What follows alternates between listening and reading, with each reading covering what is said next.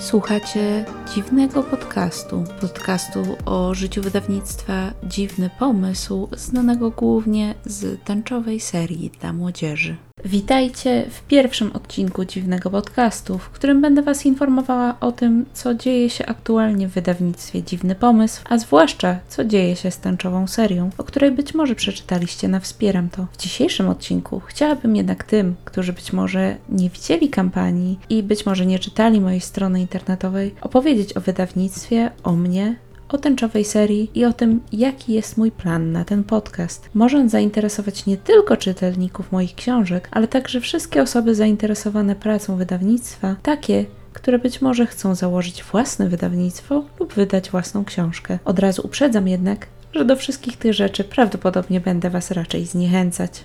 Muszę jednak zacząć od przedstawienia Wam się. Nazywam się Joanna Barbara Bernat, jestem skandynawistką, polonistką, tłumaczką języka norweskiego i właścicielką wydawnictwa Dziwny Pomysł. W wydawnictwie pracuję sama, korzystając z podwykonawców w czasie produkcji książki. Nie zatrudniam nikogo na etat, nie mam też specjalisty od marketingu, co prawdopodobnie w toku słuchania tego podcastu stanie się dla Was dosyć oczywiste. Oprócz pracy we własnym wydawnictwie i we własnej firmie tłumaczeniowej, pracuję także już od 13 lat w norweskim wydawnictwie Wigmusta Obierke, gdzie obecnie zajmuje się koordynacją wydawnictw elektronicznych. Wspomniałam już y, kilkukrotnie o y, kampanii na Wspieram to dotyczącej tęczowej serii. Podejrzewam, że większość z Was usłyszała o tym podcaście właśnie tam. Kampania miała na celu sfinansowanie trzech pierwszych książek z tęczowej serii, czyli serii sześciu książek młodzieżowych z różnych nieanglojęzycznych krajów z bohaterami LGBT.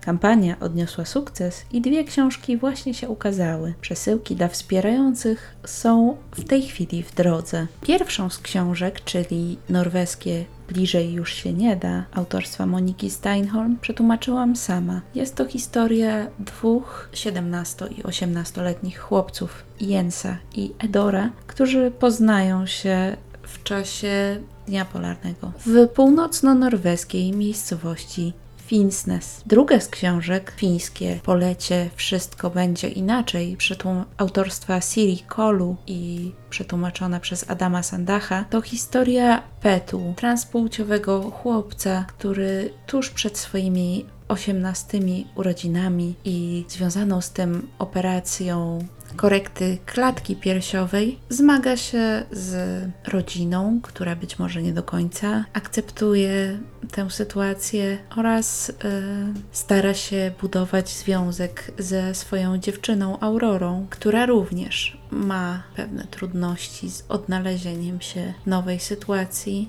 Trzecia książka, która ukaże się we wrześniu w tłumaczeniu Agaty Lubowickiej, to Homo sapien autorstwa, i tutaj od razu przepraszam, Niwiak Corneliusen. Będzie to pierwsza grenlandzka powieść wydana w Polsce i opowiadać będzie o całym szeregu bohaterów i bohaterek, których losy splatają się i komplikują przez ich orientację lub tożsamość płciową.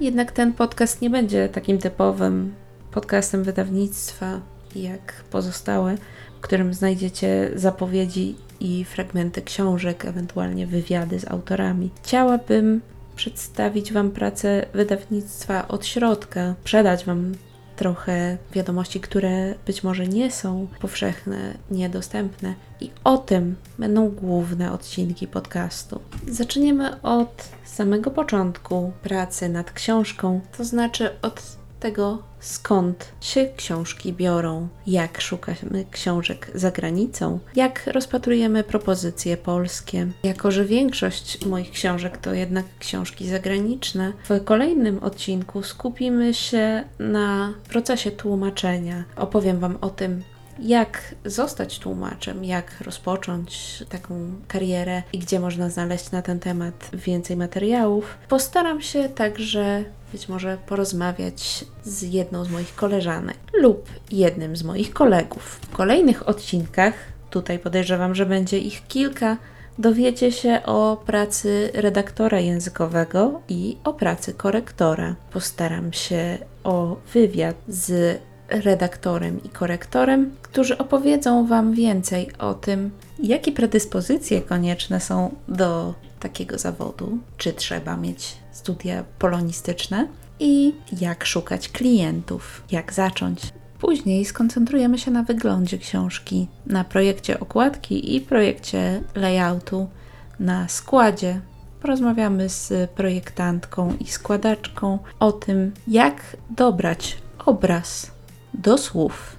Następnie opowiem Wam o bardzo technicznej, ale fascynującej części produkcji książki, czyli o druku. Dowiecie się, jakie są rodzaje papieru, jaki druk jest właściwy dla jakiego nakładu oraz skąd się biorą niektóre dziwne błędy, które zdarzają się w książkach. Po tej bardzo ciekawej części przyjdzie cza czas na część nieco bardziej problematyczną, czyli na dystrybucję. Jak to się dzieje, że książki znajdują się w księgarniach lub się w nich nie znajdują? Jak wygląda dystrybucja książek elektronicznych? Jaki na to wpływ mają coraz bardziej popularne abonamenty książkowe? Na koniec zaś opowiem Wam o marketingu książki, o współpracy z blogerami, instagramerami i recenzentami z magazynów książkowych, o reklamie, miejscach na półkach i listach bestsellerów.